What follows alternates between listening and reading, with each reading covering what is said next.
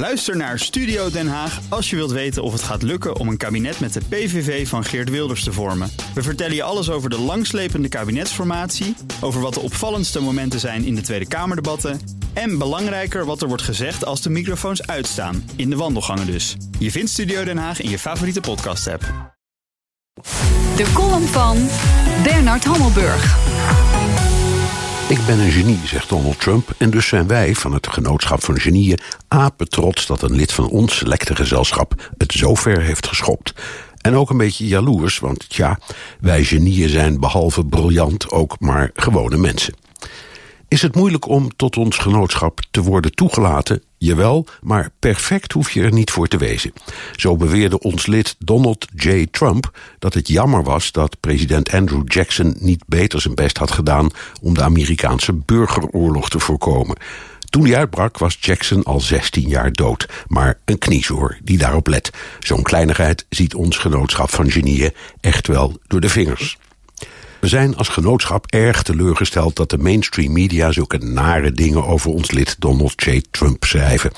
Zoals de suggestie dat hij nooit een boek leest en heel veel hamburgers eet. Waar staat dat een genie heel veel boeken moet lezen? Of geen hamburgers zou mogen eten?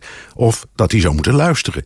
Ben je gek? Als genie kun je die coterie van zeurende adviseurs missen als kiespijn. Of de discussie dat ons lid Donald J. Trump leidt aan een ernstige handicap, het Dunning-Kruger-effect. Dat beschrijft de wijze waarop de minst competente mensen hun vaardigheden zelf als uitzonderlijk goed beoordelen, omdat ze te dom zijn om te begrijpen wat zo'n vaardigheid eigenlijk is. Of zoals de republikeinse columnist George Will zei: de president weet niet wat het is om iets te weten.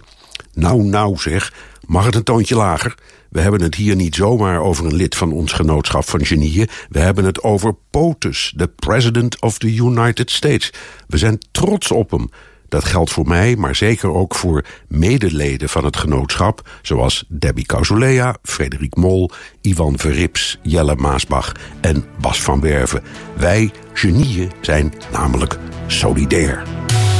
Zo is dat, Bernard. De column uh, kun je teruglezen en luisteren op bnr.nl en in de BNR-app. Ook Hugo Reitsma vind je in de BNR-app. Superhandig die BNR-app. Je kunt alle programma's live luisteren, breaking nieuwsmeldingen. Je blijft op de hoogte van het laatste zakelijke nieuws. En je vindt er alle BNR-podcasts, waaronder natuurlijk de belangrijkste, Boeken zijn in de wijk. Download nu de gratis BNR-app en blijf scherp.